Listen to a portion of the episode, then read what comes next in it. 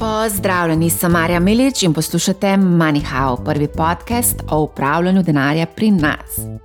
Danes je z menoj prav poseben gost, je neodvisni raziskovalec delniških trgov. Mislim, da mu lahko rečemo Finfluencer in ne boste verjeli, živi v Sloveniji. Sven Karlin ima skoraj 220 tisoč naročnikov na YouTubu, investira na delniške trge že 16 let. Prvo delnico je kupil pri 19 letih, pri tem ga je vodila veljo strategija investiranja, ki išče podcenjene delnice glede na ekonomske temelje podjetja. In tej strategiji ostal zvest do danes. Seveda bova več o tem povedala v nadaljevanju. Zdravo, Sven. Zdravo. Mi dva sta se dogovorila, da bomo poskušala uh, imeti ta podcast v slovenščini, v kombinaciji s hrvaščino, če pa treba, bomo pa prevekslali tudi na angliščino. A je tako? Super. okay. Um, okay, da gremo čist na začetek. Omenil uh, si mi, ko sem te kontaktirala, da si rojen bil v Sloveniji. Osnovno šolo, srednjo šolo si naredil v Poreču, predvidevam, da si iz Poreča študiral. Iz Novigrada. Iz Novigrada si, no, pa si v bistvu zelo blizu Slovenije in predvidevam, da si bil. To je Slovenija, tam od Pineta, 200 metrov od Pinete. To je, Joj, ovaj... to je Slovenija, si rekel, ne vem, če so Hrvati, če bi bili navdušeni nad tem. um, študiral si pa potem tudi v Rijeki. Uh, Pulo, v, v Puli si naredil svoj doktorat. Uh, doktorat je bila teza, oziroma thesis uh, doktorata je bila a Real Value Risk Estimation Model for an Emerging Market. Odkje je to zanimanje za ta delniške trge, za v bistvu za proučevanje tega?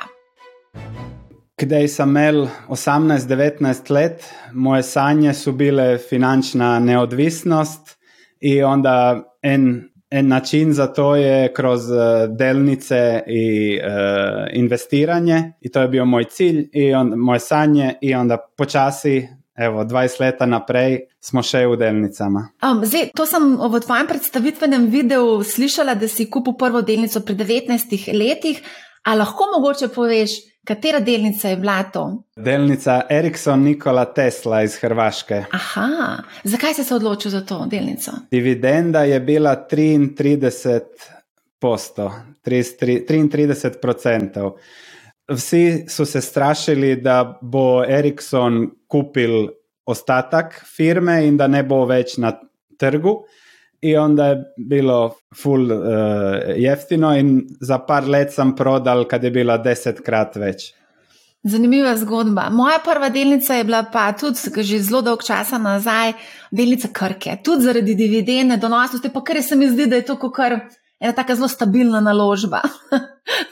Neč prav, da se dogaja, da bi bili neki drastični, dramatični upadi. Um, zakaj živiš v Sloveniji? Živeli smo na Nizozemskem, pa smo rabili naravu za otroka, bolj, več narave, boljše šolo, šo, šolovanje. Pa smo tudi aktivni pri Valdorfskoj šoli v Sloveniji in tako nam je zelo všeč.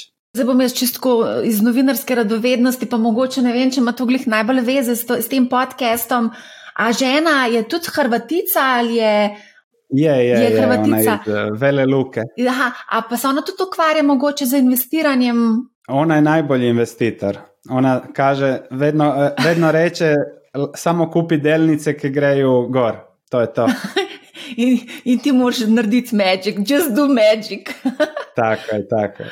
Ja, zanimivo. Uh, imaš pa na YouTubu 220 tisoč subscriberjev, to se mi zdi ena tako zelo lepa številka, glede na to, da to delaš praktično iz, iz kauča, uh, iz svojega doma, nekje v Sloveniji. Uh, kako je ta številka rasla skozi leta? Pred pet let bil sem radio na University of Applied Sciences v Amsterdamu, uh, accounting in finance. In onda v maju sam bio končao s predavanjima, sam rekao ajmo malo ta predavanja na YouTube, pa sam počasi, počasi i onda sam napravio jednu analizu o Warrenu Buffettu i to je bilo 10.000 viewza i onda je sve počasi krenula. Ja, vse to je zanimivo. Um, se mi zdi, a je, bi lahko rekel, da je Warren Buffett tvoj, da se zgleduješ po njem in njegovi strategiji investiranja? Warren Buffett je ok, Charlie Munger bo bolj, bolj kot. Charlie Munger, Eh, zanimivo. Od, od Warrena Buffetta ne boš slišal resnico, od Mangera boš. Uh, Mangar je bil pa kar oštar, uh, vezano Da, recimo da, da, sploh na kripto zgodbo. Tlele je bil on zelo brez lake na jeziku. Mislim, da bo gospod zdaj star skoraj sto let, ne Charlie Mangar je Da, malce da, starejši od da. Warrena Buffetta. Zanimivo. Tako, vse je videl, vse ve in, uh, in sve pove, kak je. Ampak marsikdo pa je očital Warrenu Bufferju in Charlieju Mangarju, da pa nista se odzvala pravočasno na nekatere zanimive zgodbe, kot je bil Apple, recimo, nista dosti hitro investirala v te zgodbe ali pa v meto in podobno. Investirali su 2016. i sad je već to petkrat već nego kaj su oni plaćali, tako da nisu investirali prej radi rizika. Prej se ni velo cash flow, da li je long term i tako. Tako da su oni počasi, počakaj, počakaj, počakaj in tad kad je prav, tad su investirali. Warren Buffett je čekao 50 let za Coca-Colu, tako da za Apple je čekao 10 let, tako da to je normalno. Ampak on je investiral v Coca-Colo relativno zgodaj in to naložbo drži, mislim, da glih je ne 50 let. Ne? Ne, on je investirao u Coca-Colu 89. a prvić je prodavao Coca-Colu in uh, te boce kada je imao šest let. Tako da od šest Aha, je ok. čakal 60 let i onda je prvić investirao u Coca-Colu. A ja, z tega vidika ti gledaš. Veš, ta gospod je zdaj že tako star, v bistvu skoraj celo stoletje, da je treba pol te malo številke v glavi si sestaviti. Ja, ja, razumem, razumem. Ok, a, se pravi, a mogoče lahko poveš, kdo so tvoji gledalci na YouTubu? Kdo te gleda, iz katerih držav prihajajo? Najveći su iz e, Združenih američkih država, tak nekaj 25%, i ostalo sve Evropa in e, ceo svet. A pa bi rekel, da je večina uh, moških uh, ali bolj je mešana publika? More bitno da nisam, nisam zgodan za žensko populaciju, ali 95% su moški. Ja, se tudi jaz imam na YouTubu neki podobno statistiko. Mislim, da večina moških je tisti, ki gledajo moj kanal. ok, zdaj tako, malo sem pogledala vsebino na tvojem YouTube kanalu. Ti tam objavljaš relativno kar pogosto videe, včasih na vsak dan ali pa vsak drug dan, gre pa za krajše videe po 15 minut. Ne? Mhm. Prek dana raziskujem i tako i onda na večer naredim en PowerPoint, rabim pol ure, tak kaj je zanimljivo i to, e, snimim se i imam editora koji sve sredi video i tako, ne ukvarjam se editiranjem i sve i onda gre video na YouTube, tako da ne rabi već časa zdaj za tak nekak. Ampak začel si pa tako, da si vse sam delal, predvidevam. Da, da, da, da. da. Si se naučil, jaz sem se tudi vse sama naučila, editirati, vse Tak. živo znam delati. Tako da. Um, Tako se mora. Ja, sej, to je točno to. Um, zdaj, marsikoga mogoče zanima, kako ustvarjaš ti prihodke, iz kje pride denar, kako se preživljaš. Imam YouTube in sa strane imam eh, research platform, kam prodajem svoje raziskave, svoje analize, deep dives eh, za različite biznise i tamo je to subscription in onda ljudi lahko to kupe i on, od tega živim.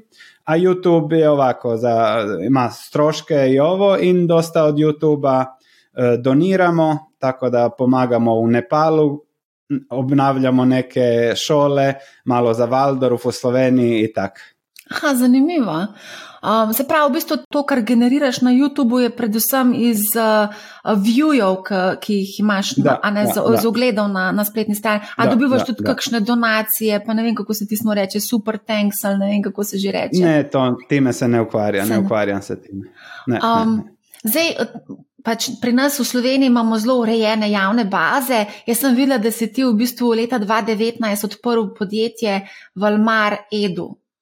Mhm. Da, to je za YouTube, tako da sve od, vezano za YouTube je u Sloveniji, tako da eh, ja sam zaposlen tamo, plaća i tako. Aha, aha, ok.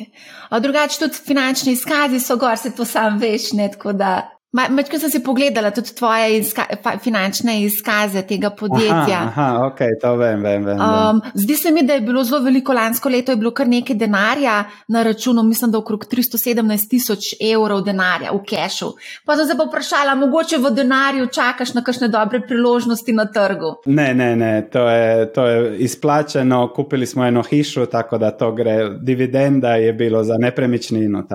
Ampak ja, se, se pravi, tukaj noter se potem uštejejo tudi dividende in pa v bistvu kapitalski dobički. Nima delnica tukaj. Aha, ni delnica, aha, ok, razumem. Ne, ne, razumem. Okay.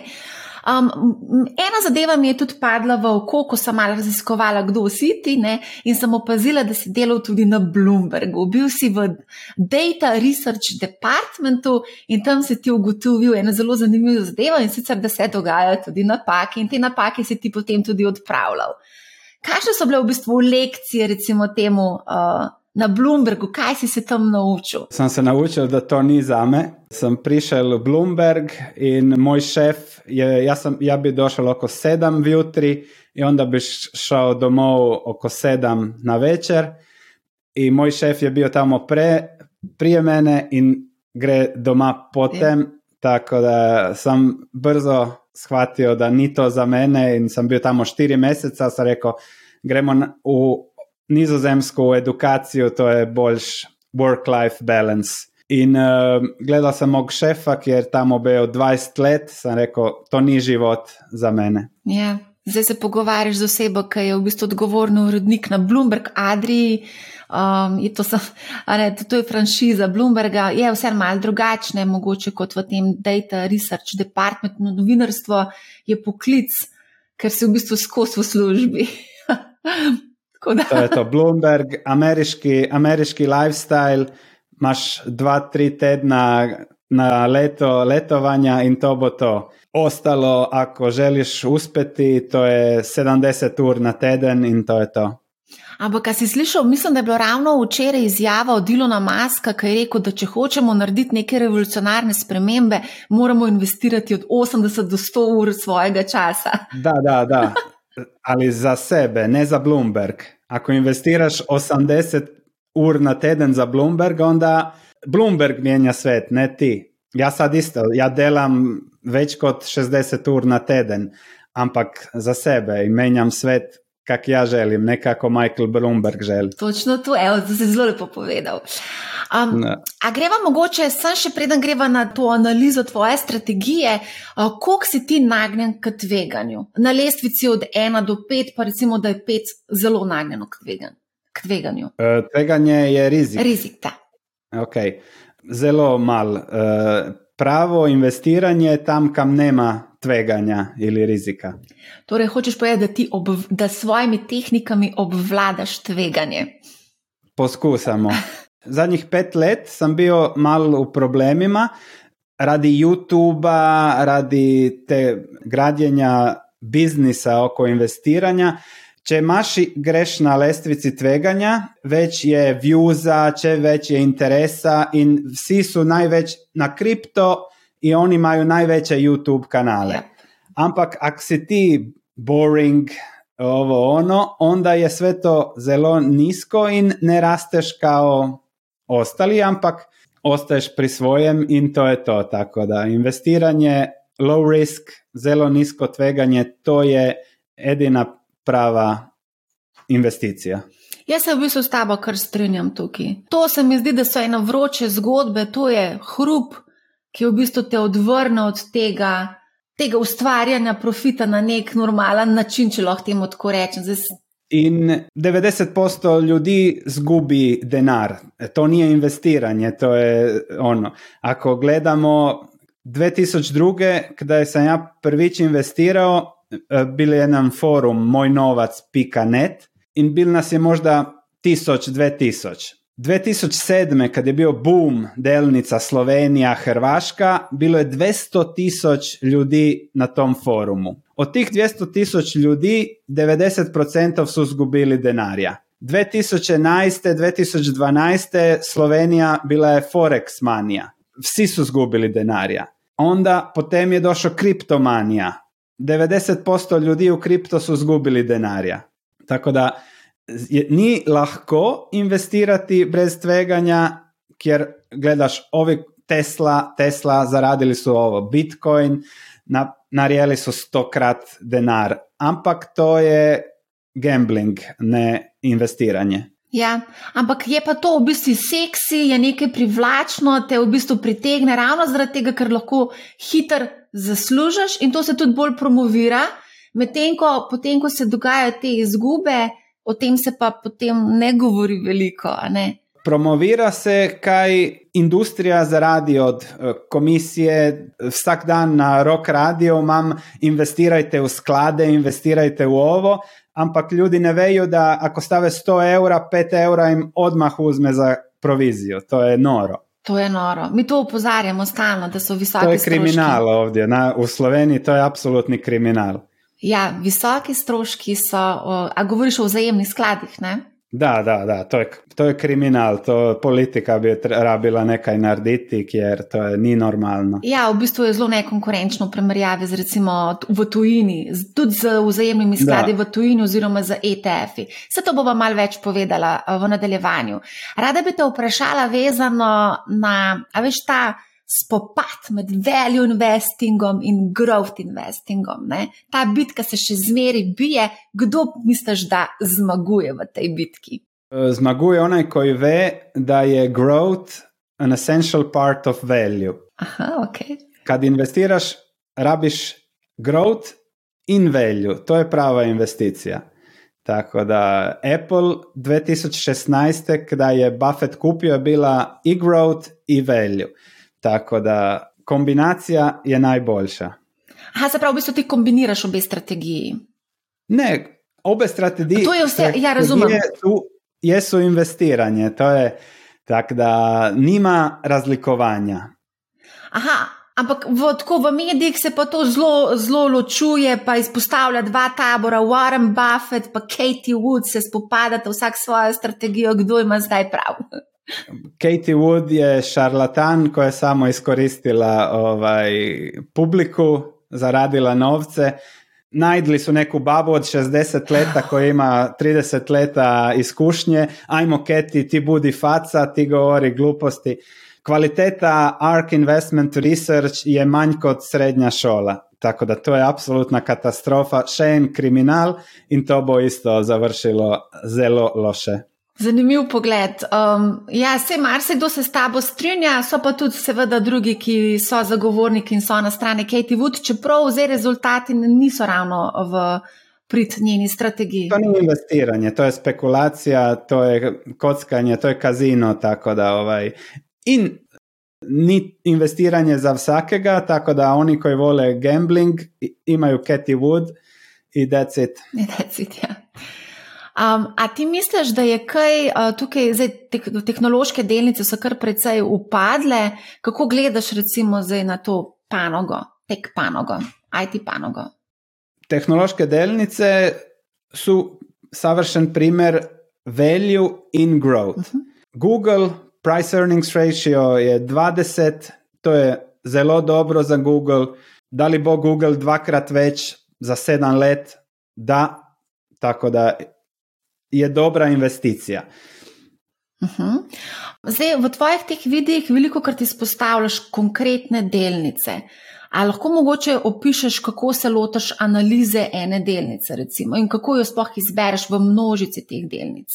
Vrednost delnice je, kako bi Buffett rekel, discounted value of all the future cash flows from today to eternity.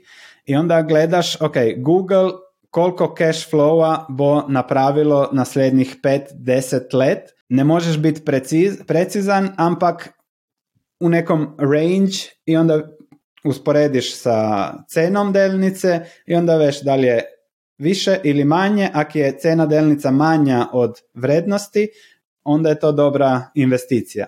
Tu se pogovarjamo o super biznisima Google, Amazon in tak. Uh -huh, uh -huh. Kako se pa ti potem odločiš, katere delnice boš vključil v svoj portfelj? Pač, kako sploh v bistvu se lotiš tega stock pickinga? Ne gledam na stock picking, gledam več, okay, kakšen je biznis in da li ja lahko imam taj biznis naslednjih deset let. Ako da, onda je to super za mene. To su uvijek najbolje investicije. 2009. do 2012. sam svaku plaću ima turist hotel, to je kemping pri Zadru. Dionica e, e, dividenda je bila 8%, e, rast 10% na leto, kemp kućice, ovo, ono, sve. Vsi Slovenci vole kemping. In to je bilo lahko, cena je bila 1000 kuna, sad je 4500 kuna, plus 10 leti dividende. Tako da easy investing je kaj rabim. A investiraš tudi v slovenske delnice? Ne, ne, Slovenijo nisem še analiziral in eh, Hrvaško isto več pet let nič. Ampak Slovenija za slovenske delnice je značilno, da so visoko dividendno donosne. Rabim napraviti analizo, ne vem še. Ja, kar kar nared, mi zdi, da mislim, da je S, eh, SB top v povprečju tam okrog 9% na letni ravni, dividendna donosnost. To je mnogo, je. to bomo preverili. Svetujem ti, da preveriš. Ne? Seveda je pa trg, uh, ima neke specifike, ni tako likviden, kot recimo nek drug uh, trg. Ne? To ni pomembno. Ak si investitor, likvidnost ni toliko pomembna. Boljša, ko nema likvidnosti. Ja, ok. Zdaj, onda kupiš za 10 let, a ne za prodat za 6 mesecev. To je res, ja. Sam ti tak ne greš na borzo za 6 mesecev, ampak dolgoročno ne. Naj bi šel. 90% ljudi ne gre dolgoročno na borzo. Ampak mi dva, mi dva hočemo naučiti ljudi, da je treba dolgoročno investirati. A, mi lahko poveš, kako je recimo sestavljen tvoj portfelj, A, kako izgleda tvoj portfelj, kakšne so uteži? Zdaj, en portfelj, ki imam zdaj, ima tri delnice in to je to. Oko 20 do 40 odstotkov je ena delnica in uh, decit. Se veš, da te moramo vprašati, katere tri delnice so to? ne, to ne morem povedati, ampak uh, ena je evropska in uh, dve so kitajske. Kitajske. Ja, zelo, zelo sad bi ovaj kreš in vse je zelo dobro sad. Ak ne bude tretjega svetskega rata. Ja, to je zelo dober. Je pa tudi uh, Xi Jinping si utrdil svoj položaj na uh, mesto šefa države, obkrožil se je z enako mislečimi ljudmi. Mislim, tukaj je velika politična negotovost. To verovatno Bloomberg kaže tako. Verovatno Bloomberg. okay, ti misliš, da ni tukaj nobenega tveganja? Ne, ne, je, je tveganje, je tveganje, ampak ako se to tveganje materializira, ja bom se fokusiral na uh, moj vrt in da imam kaj za jest. Aha, pa boš vrtnaril potem. tako, tako, tako da. Kaj, bo, kaj imamo, ako se Kina in SDA tveganje materializira in se, naše delnice, da li so v Evropi, v SDA ali v Kitajskoj, ne bo pomembne. Tako da ja. to je ovaj. Tveganje. Kaj pa, če pride do vojne med Kitajsko in Tajvanom, da pride dejansko do obračunavanja fizičnega vojne? Onda ne, bo, ne bomo se ukvarjali delnicama, to ne bo pomembno. Ja. Ampak ta strategija je mogoče malo bolj riskantna, da v bistvu staviš na tri zgodbe. To je, to je, to seveda. Ampak Sve je v menedžmentu, tako da to je en portfelj, ki imam zadnjih pet let, tako da je malo več tveganja in sad bom eh, spet uh, moj denar investiral in onda seveda manj tveganja. Ne vem, da bom investiral v Kitajsko in tako, še, se še analiziram. Aha. Rekl si Kitajska plus Evropa, kje pa je Amerika? Uh, nemam ni eno delnico v Ameriki. Seveda te moramo vprašati, zakaj. Uh, kako se kaže, bubble na slovenskem? Balon, napihnil se je balon, balon. v balonu. En finančni balon, tako da ovaj, ne rabim zdaj. Še vedno so, v bistvu delnice so še vedno precenjene, ameriške. One dobre, da, one dobre. Apple, uh, Berkshire, to je precenjeno. To je res, ja. Omenjal si, da tudi gledaš frontier market, se pravi robne trge. Katere trge v bistvu spremljaš še? Gledam uvijek eh, commodities, železo, bakar, uh, fertilizers, uh, gnojiva, kako se. Ja, ja gnojila, džubriva, oziroma gno, džubriva so po da, srpskem jeziku, uh, uh, uh, gno, to, to so me srbi naučili. To so ciklična tržišta in rabiš čakati prav trenutak, kdaj niko ne želi, kdaj su svi kapitulirali, onda se to kupuje zaka, zaradi tega, kaj vsi rabimo te komponente vsak dan, tako da samo rabi, rabi čakati. A pa si zdaj trenutno investiran v kakšen commodity? Ne, ne, ne, ne, ne. Čakam, čakam eno lepo recesijo, naslednje leto, onda bo. Onda bo. Kako pa gledaš na plemenite kovine, zlato, srebro? To je čista špekulacija. Zakaj? Zakaj nič ne proizvaja? Ne, in ne dobivaš zlato, nobenih dividend. ne dobivaš nobenih dividend in ne raste. In trenutno Tako, ni, ne raste, ni, res. To ni investiranje, to ni growth and value, tako da to, to Ray Dalio ima eno strategijo, all-weather strategijo, kam kažeš, ok, imam 10% v zlatu, ako cena zlata gre dol, kupim več, ako gre gol, prodam in tako ima kao neki yield, nekakšno dividendu od tega, ampak uh, ne ukvarjam se preveč tim. Uh -huh. um, katere panoge so pa zanimive? Um, recimo, kaj spremljaš, ko gledaš delnice, katere panoge naj, najbolj spremljaš? Vse, vse sektorje, ni pomembni sektor, pomembni en biznis v sektorju. Napravim celo analizo sektorja, kad gledam nekaj, onda gledam vsaku delnicu v sektorju in onda, onda razumeš sektor in onda vidiš, aha, ta delnica je interesantna naspram svih ostalih. Aha. Value investing ni da gledaš sektore ili tako, nije top down, nego je bottom up. Bottom up je, ja. Zdaj, v teh tvojih videih, predstavitvenih, tudi zelo veliko govoriš, da se posvečaš raznim finančnim izkazom, da analiziraš poslovanje podjetij, eh, računovodstvo, accountingu, daješ veliko težo. Ne? Ampak marsikdo ni tak strokovnjak kot ti in seveda išče bližnjice. In bližnjica za marsikoga je mogoče investiranje v ETF-e, za nekatere, ki pa so pa še malo tako drugače naravnani, pa mogoče vzajemni skladi. Klasični vzajemni skladi. Povej tvoje mnenje, ajde, da slišimo. Moje mnenje je, da se moraš vprašati od vsake investicije, kaj dobiješ nazaj.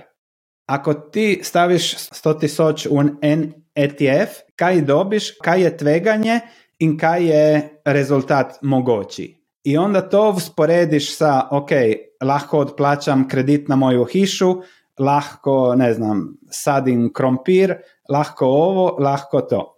ETF, 95% ETF-a ne bo dobro. Zdaj, kdaj svi ti ETF-i, sva ta ameriška investicijska mašina je sva u balonu. Tako da zdaj je jako veliko tveganje za investiranje tako na blef in uh, jako nizki rezultati bodo naslednjih deset let. Ja, ampak. A veš, nekateri ljudje hodijo v službo, imajo 8-urni delovnik in se ne ukvarjajo profesionalno z analiziranjem, recimo, specifičnih delnic. Se pravi, Dobro. v bistvu iščejo načine, kako nekako plemenititi svoj denar, ampak časa za to, da bi študirali delnice, pa nimajo. Ali se ti zdi, da je lahko strategija neka razpršena košarica naložb za enega poprečnega vlagatelja, ki nima takega znanja kot ti, dobra rešitev? Ako je 9% dividenda v Sloveniji, to je super rešitev. Ampak to, to, to, je, to je poanta rabiš se vprašati, kaj jih dobijem. Ako ima, je dividenda 9%, to je super, ali SP 500 dividenda je, en, je 2%. 9 in 2 je velika razlika. Res je zelo velika razlika, je pa tudi recimo tveganje lahko tudi mogoče mal večje, če investiraš v eno tako majhno košarco, kot je recimo slovenska borza, SBI top ali pa 500 največjih ameriških blue chipov. Ne, tveganje, tveganje, tveganje je, je faktor cene, ko jo plačaš. Ako ti plačaš nizko cenu za 9% dividende, onda je tveganje malo. Ako ti plačaš visoku cijenu za 2% dividende, onda je tveganje veliko. Uh mhm. -huh. Tveganje ovisi od ceni koje plaćaš, nič drugega. A se ti zdi, da je smiselna investicija v delnice z namenom ustvarjanja nekih dividend, pa da nekih ne, nimaš nekih blaznih donosov za samo delnico, ker to slovenska borza namreč je, z razlogom izplačujejo visoke dividende. Ni neke uh, rasti na tem trgu. Tukaj moraš vedeti, da imamo neke zavarovalnice, imamo farmacevta, ki v bistvu tudi ne beleži neko noro rast, ne konc koncev, tako kot vidimo recimo v kakšnih drugih sektorjih ali v drugih državah. Ne. Zato splačuje tako lepe dividende. Razumem, razumem, razumem. Ali to je opet, koliko plačaš in kaj dobiješ kaj za to, da je growth, da je value in tako. Uh -huh. Veš, kaj mi je bilo zanimivo pri tebi na tvojem kanalu? Um, zelo veliko odgledov imaš teh videov na YouTubu o kreših. To imaš, ne vem, po 100 tisoč ogledov na te videe, ker imaš naslov kreš, kolaps. Zakaj misliš, da je temu tako? Kaj smo se prej pogovarjali? Imáš tveganje, imaš visoko tveganje in kaj, na kaj reagirajo ljudi? Ljudi reagirajo na fear and greed na slovenščini je strah in pohlep. In vse, kar gre na strah in pohlep, ima zelo visoko uh, viuza. Najbolje, najboljše videe, ko jih naredim, ko sem ja največ sreten, imajo najmanj viuza. Tu sem si kupil ovo knjigo, ki je Margin of Safety, ki je najboljša knjiga za investiranje napisana in radim videe, vsak chapter po chapter, in to ima najmanj viewza. A ovo crash, entertainment, panika, strah, pohlep. Uh, zadnje tri leta sve, svaka delnica je bilo 10x, 10x in to je bilo noro na YouTubu. A tako je psihologija ljudi in to ljudi traže in onda to još še YouTube algoritam vrti in uh, to je to. Ampak na, naredim en takav video za algoritam, dobim ne znam 150 tisoč viewza i onda kažem še ste više interesirani, pogledajte to in tako.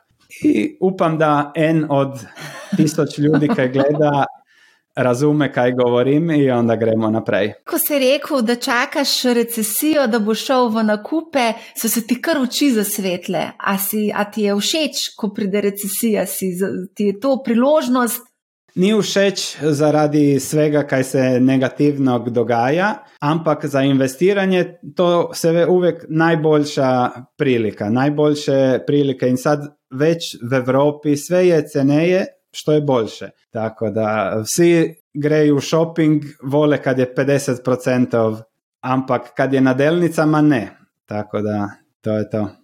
A ti misliš, da v bistvu, ampak ja, pa se počasi učimo, finančno se opismenjujemo tudi v Sloveniji, tako da se počasi spremenja.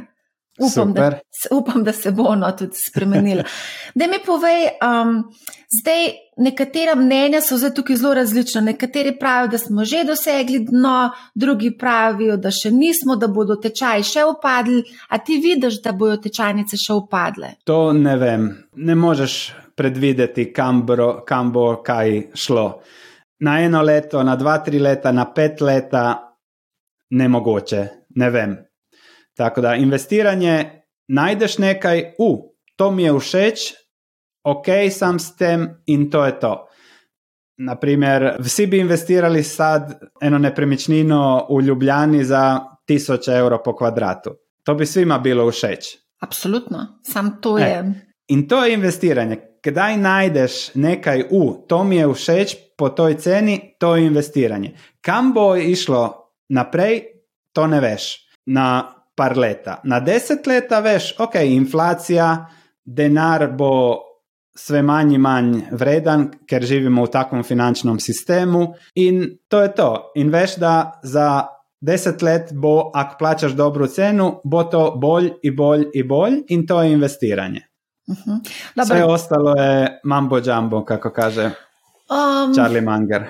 Tisoč evrov v Ljubljani, še dolg čas, verjetno ne bo, ne? ker je poprečna cena, mislim, da blizu 4000 evrov za rabljeno stanovanje. Da, cene so res ponorele. A ti mogoče šortaš? Ne, ne, ne. Sad smo napravili en video za kao šortamo Teslu, ali to je samo za entertainment, za YouTube, za izobraževanje in tak, tako da imamo en fake portfolio na YouTubu in tamo imamo en short, ali short ni ok, jer ovaj, dolgoročno zgubiš, ako si short. To nema, nije strategija pozitivna. Mhm. A ti bi rekel, da si po naravi bolj buliš ali beriš? Uh, po naravi sem buliš, ampak depends on the price. Okay. Zdaj, prej si omenil, ne grem iz glave, moram te še vprašati. Rekl si, vzajemni skladi v Sloveniji kriminal. To je kar uh mhm. -huh. močen statement. Jaz sem prišel v banko eno, uh, imam sem nekaj, de, nekaj denarja, ko smo rabili za hišo, in odmah me vprašala, ali lahko investiram v skladje. Jaz sem dobil onaj mali pamflet in berem, berem, berem in piše entry fee 5%. Znači, to je kriminal i to mi je ova u banci dala. Tako da, ovaj, to i onda ti skladi, oni samo investiraju po nekim šemama koje nije to investicija, tako da ne, i, i še, še zgora je kaj oseba, ki pride tako v banku, ne ve nič, kaj su skladi, kak to dela in tak, en prijatelj tu iz Radovca mi je rekel, da 15 let je investiral v sklad od nekaj zavarovanja in stavio je 20 tisoč noter in za 15 let je dobil 15 tisoč nazaj, tako da to je noro. Zdaj, pri teh, o, o, teh vzajemnih skladih 5% je zelo velik. Tako da jaz mislim, da je mogoče bil tudi tukaj še tuj vzajemni sklad, ker je, je, je. tuj, ne, ampak, ni bil slovenski. Ampak, Je bila, pa, uh, bila je slovenska banka, ki je prodavala tuje sklade. Ja, ja te tuje sklade imajo kar visoke vstopne stroške, slovenski imajo procent, pa tudi tam celo do 3%, se mi zdi, da gre. To je isto kriminal in 3% je kriminal in 2% je kriminal. Vanguard ETF ima nič pika nič tri procentov. Se vem, se vem. vem Ti skladi morajo biti brez stroška, vse ostalo je kriminal. Drugače so pa upravljalske provizije tudi kar precej visoke. Upravljalska provizija je še bolj v bistvu bremeni tak, tebe kot vlagatelja, kot pa v bistvu vstopni stroški. Tako da, ako želite vlagati v sklade, to mora biti brez stroška. Pika. Mislim, brez vstopnih stroškov, upravljalska provizija pa mora biti bistveno, bistveno nižja. Mora biti nul, nič, ko, nič pika, nič 3%. Free basis points iz Vanguard. Ok, se pravi, to so bolj ETF-i, ne? Ma, ma ETF, ima to. To je pasivna to, strategija ali... investiranja, da, to ni da, aktivna. Da, to je sam, sam Vanguard, mislim, in tak.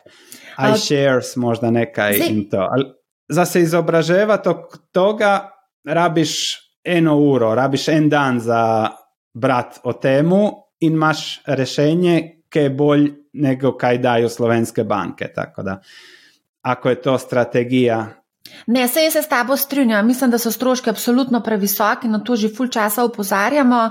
A bi pa rada tukaj upozorila, da ima pa tudi različne type skladov. Se pravi, ETF-i so večinoma pasivno upravljeni, razen od Katie Wood, ki je aktivno, mava pa na drugi strani pač druge sklade, se pravi klasične sklade, ki so tudi aktivno upravljeni. Kako ti gledaš to pasivno aktivno strategijo? Ne gledam na te pasivne aktivne strategije, kjer uh, pasivne, ok, samo kupuješ trg in to je to, a aktivno ima toliko taj institutional constraints, ne vem na slovenščini, eh, kaj dolgoročno onemogućuju dobro investiranje. Tako da aktivno, ak ni individualno da veš kaj rabiš za se, onda isto še ni dobro. Aha. Kadar uh, vsak, ak, kao aktivni investitor ti rabiš svako leto biti boljši od trga. Ako si ti dva leta zaporeda lošiji od trga, tvoj biznis je gotov. Svi zgubiš 70% klijenta in zatvariš in greš u šolu obraževati in tako nešto. Uh, en Warren Buffett, Bill Ackman in svi investitori ki su aktivni in dolgoročni, imaju closed end fund, ne open end. Uh-huh. Tako da, ako ti ne želiš, ne, ti nije všeč kaj dela Buffett, prodaj delnicu Berkshire i to je to. To se nema nikakve influence na Warrena Buffetta i njegovo investiranje. Evo, Berkshire je vzajamni sklad, Warren Buffett aktivno menedž, nemaš nobene komisije za da Warren Buffett investira za te. Ja, delnico pa kupiš na borzi in jo prodaš ja. lahko v vsakem trenutku, praktično. Praktično, ja, so tudi neke umitve. Da mi povej, kaj pa je tvoj benchmark, primerjalni indeks, s čim se ti primerjaš? Ni pomembno benchmark, e, to je en problem aktivnega investiranja. Uvijek imaš taj benchmark in onda je sve to na eno leto, na dva leta in tako.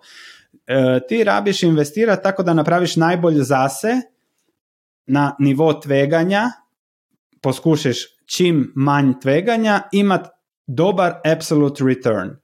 Tako da za, za neke ljudi je boljše imati, ne znam, stan u Ljubljani in dobiti 4% i to je to, a za neke je neč drug bolj. Tako da pomembno je da veš kaj je najboljše za tebe. Ako počneš gledati benchmark, već si izgubio u startu. Zdaj, tako, to je ful dobr na svet, da gledaš eh, to, kar je najbolj za tebe. Ampak um, iskreno povedano, marsikdo v bistvu niti ne ve točno. marsikdo vidi tisto, mogoče bi pa jaz Lamborghini imel ali pa bi imel uh, stanovanje v centru Ljubljane, mogoče celo kakšno vilo nekje ob morju. To bi si marsikdo želel. Ne? Kako pa prideš do tega? The secret of life, knowing what you want. Ampak ne, sem to te resno govoril, to je resen problem. Mar se kdo sploh ne ve, kaj hoče v lifeu. to, je, to je normalno, tako da. To je prvo, prvi problem, ki moraš rešiti. Vest, kaj hočeš, in kad veš, onda nađeš načina za doći do tega. Ja, sam tudi moraš imeti neki znanje, da ti v bistvu znaš. Ne, ne, ne. Pronajdeš način, kako doći do tega. Ok, imam znanja, nimam znanja, nimam znanja, ajmo naći znanje. Imam znanja, ok, ajmo naći način. In to je to. Zelo, zelo lahko. Sve je zelo lahko, samo ljudi, ljudima ni všeč, kaj moraš. Aha, želim Lamborghini, ok, rabim toliko, toliko in toliko. Aha, moram delati 20 let, vsak, vsak teden 70 ur, in onda imam YouTube kanal, ki mi dopušča, da si kupim Lamborghini. Ampak tih 20 let investiranja to nikoli ne želi. Svi bi rado, a kupim kripto i za tri meseca imam Lamborghini ili pijem pivu s društvom brez kinte na večer kad sam sve izgubil. To je to. Ne, se to je res, ampak videti, da si analitik, no, čisto kot jim povedala, zelo analitičen pristop. Ne. Zelo dober. ne, samo to je to. Jaz tudi pravim, naše življenje je vnaprej determinirano. Točno veš, kdaj se boš, kdaj boš, ne vem, želel si stanovanje kupiti, kdaj približno boš otroke dobo, kdaj se boš upokojil. Konec koncev tudi vemo približno, v katero smer gremo, torej vemo, da gremo proti smrti, treba bo potem to neko premoženje verjetno potalati svoji familiji. Vse vnaprej je nekako že določen, a je tako. Sve je, kak ti si nar narediš. Mi smo željeli hišu, tako da smo se fokusirali zadnja dva leta na nepremičninu i sad naslednji plan je investiranje za finančnu neodvisnost, tako da bomo delali in e, to investirali in mali e, lep portfelj. Mnogo ima prilika, ako bude še recesija naslednje leto, bo še vedno prilika i onda vemo, ok, to je en blok u životu i tako delaš te blokove u životu i onda vidiš kaj ti je všeč. Ja ne rabim Lamborghini, tako da to vem, da mi ni všeč. No, vidiš. Um, samo še to bi te vprašala, um, katerega brokerja ti uporabljaš za trgovanje? Ni pomemben broker, pomembno je, kak, kakšno je to strukturirano. Imaš ove uh, jeftine brokere, kam su oni lasnici delnica i u njihovim knjigama si ti zapisan kao lasnik. To je onda strukturirano, rabiš pogledati kak, kakšno je to strukturirano, ak broker gre dol, da li ti gubiš ili ne. Imaš brokere koji ti daju, ok, ti si vlasnik, ti si upisan u knjigu vlasništva, ako broker gre bankrupt, tebi je vseeno. Tako da ovi koštaju mal več, ampak mirno spiš. Ovi koštaju mal manj, ampak nič se ne bo pomembnega dogodilo, ak nije to FTX broker ili tak neš, ampak moraš vidjeti kakšna je razina tveganja, če je manj razina tveganja s brokerom, če više plaćaš. Ako je veća razina tveganja s brokerom, če manj plaćaš ili ne plaćaš ili kad pristopiš brokeru dobiš 100 dolara free za trading, onda veš da to ni dobar broker. U, to je kar velik ta referral 100 dolarjev, ne? Ne znam, ili 10 dolara in 50. Čim dobiš referral, čim dobiš nešto brezplačno, to, to pove da broker riskira novac da bi tebe donesel noter in da bi nešto na tebi zaradil. To je isto very dangerous. Tako da brokeri, brokeri mora biti simple, enostavan, bez neumnosti in to je to. Ne boš pa povedal, katerega ti uporabljaš. Ne, ni pomembno, ni pomembno. Internet, lista, preverite sve brokere in pronajdite onega, kaj je najboljš za vas, za vaše investiranje.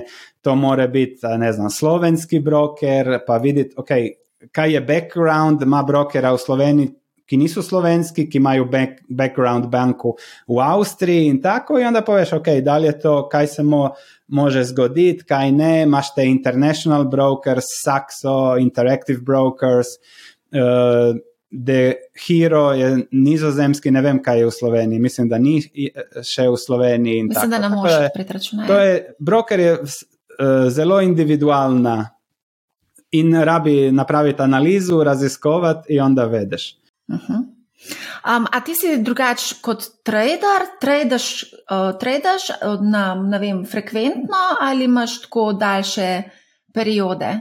Uh, zadnjih par let smo malo više Mal sam neke delnice u Rusiji i onda kad sam vidio prvi tank smo sve prodali, tako da ovaj, to je bilo ok. I tako da je, em je bilo, na, na trgu je bilo noro zadnjih pet let, pa gor, pa dol, pa gor, pa onda gledaš tveganje, kad je tveganje visoko prodaš, kad je tveganje nisko kupiš, tako da sam mal već uh, i tu napravio par transakcija. In uh, tradanje je uh, zavisno od akcije na tržištu. Uh -huh, uh -huh. Um, a mi lahko mogoče poveš, uh, katera je bila tvoja največja napaka, ki te je tudi največ stala in koliko te je stala? Uh, največja napaka, kaj nisem sve novce stavil v Apple 2016, 2016 in šel na morje. napravil, sem analizu, napravil sem analizu Apple, price earnings ratio je bil 10, 40% cene je bilo v kešu, biznis je bio stabilan, Warren Buffett je počel kupovati, a ja sam kupil, pa sam prodal nakon što je bila 23% šla gor, a sad je petkrat već. A, skapa, a si s kakšno delnico naredil totalno izgubo, da te je face zabolel? Totalno izgubo. Ne, radi YouTube-a sam kao mal, malho investirao u neke kitajske delnice pred 4 let, argentinske in tako, ampak eh, to so bile sve male pozicije, tako da ni bilo, ni bilo pomembno da me zabolilo. Kdaj su veće investicije, onda gledam da je tveganje zelo nisko in onda se lahko, onda nima tih uh, bolečina. Kakšen je za tvoj naslednji korak, kaj boš zdaj počel? Naslednji korak uh, je investiranje, tako da ovaj, sad gledam, sad smo naredili smo hišu tu u Sloveniji, sad sam to sve stabilno riješio i naslednji korak je napraviti lep dolgoročni portfolio za se, tako da ne moram več razmišljati o financijama v životu. Se pravi, to, to razmišljam, oziroma predvidevam, da boš eh, sestavil portfelj tako, da ti bo prinašal neke lepe dividende, se pravi, da bo v bistvu pasivni zaslužek, da boš uh, ti prinašal. To plus growth. Ja, radim puno analiza, tako da lahko najdem dividende od 5-6% plus 5-6-10 in več procentov rasta na leto. In to su prave investicije. Imaš i eno in drugo, ne samo stagnat. Dividenda ako je vis visoka, ne pomeni da nema ni growth. Tako to je pravi value investing. Kad imaš sve, onda ti je tveganje nizko, ker plačaš dobru cenu za nešto in onda je sve zelo jednostavno. A imaš še na svet za naše poslušalce in gledalce za konec? Najboljša investicija so knjige. Evo tu gore je Charlie Munger, Peter Lynch, uh, ovo ima brez, brezplačno, napišeš Margin of Safety PDF, lahko ga najdeš na Google. Brezplačna investicija, kaj ti bo prinesla milijarde ali milijone ali kaj god želiš. Uh, milijarde, kar lepa številka. Najbogatejši slovenci, 350 milijonov evrov, težek. Sam povem, deleč, deleč so milijarde. to, ni, to ni tako. tako ali, ni velik, ne? Ni velik, ni velik. Ne, tako, mislim, da, da je najbogatejši. Hrvatski se teži. V današnjem svetu ima toliko denarja, tako da. Uh, in kaj delajo finančne institucije, je, da se mi bomo brzo vratili Ne vem, uh. koliko so gledalci, koliko leta imajo, da se sjećajo. Škaj da vidi, blešči, da je mal bližji. Da. A to so, to so tolari pa dinari, ne? To so dinari iz Jugoslavije, dinari iz Hrvaške, vi v Sloveniji ste imeli tolare in to je sve brez, ved, brez, brez vrednosti in tako bo i euro in tako bo in dolar, jer tako funkcionira sistem. Tako da upam, da ne bo, ali mogoče je, da za deset let en kruh košta milijardo, svi bomo milijarderi. Mogoče bo pa rešitev v kriptovalutah? ne. Dece decentralizirani sistemi, Bitcoin, Ether. To so pravljice za malo deco. okay. To je, ne, uh, blockchain in to tudi je zelo zanimiva tehnologija. Ampak kripto in 99% vsega, kar je vezano to, je samo špekulacija in samo otvaranje uh, borza, trga. Najbogatejši slovenci so se obogatili na kripto, tako da so napravili burzu za kripto. Da, to so super, genialci, ampak oni so naredili svoje na en drugačen način. In to svi promovirajo kripto, kjer zaradiš mnogo, ako si v kripto biznisu. To je res, ja. To je res. Ampak uh, za deset let bo seveda kripto, ali pravi kripto, niko ne bo zaradil nič na njemu. Google bo napravil brezplačni kripto, kao što imaš brezplačni e-mail, kao što imaš brezplačni Google Maps in tako, in bo nešto, kar je brez, brezplačno, brez frikcijskih, brez skrivenih troškova in to bo ali to ne bo Bitcoin, Ethereum in tako. Eh, zelo, zelo si brez dlake na jeziku, poveš to, kar ti um, se plete po glavi, in nimaš nobenih zadržkov pri tem. Na, ne na slovenščini bo zelo, još še lakše. Misli, Daj mi par leta, pa misliš, bo bolje. Na hrvaščini bi to ti streljal zdaj. O, oh, Marija, se vem. Bi šel v zatvor, tako da bolje, da ne. Ne, super debata, najlepša. Hvala, Sven, da si si vzel čas za to debato. Mislim, jaz te bom še kdaj povabila, da bomo še kaj predebatirali, če bo karkoli taga. Daj eno devet meseci, pa bom naredila eno analizo slovenskega trga, pa bomo šli delnico po delnici v Sloveniji pa bom brez dlake na jeziku rekel, kaj mislim. Lahko, lahko narediva tudi analizo slovenskih delnic. To mi delamo v bistvu kar skozi te analize, ampak ja, en pogled tudi, zakaj pa ne. En drugačen pogled, da bomo videli, pogled. kaj je to 9% dividende.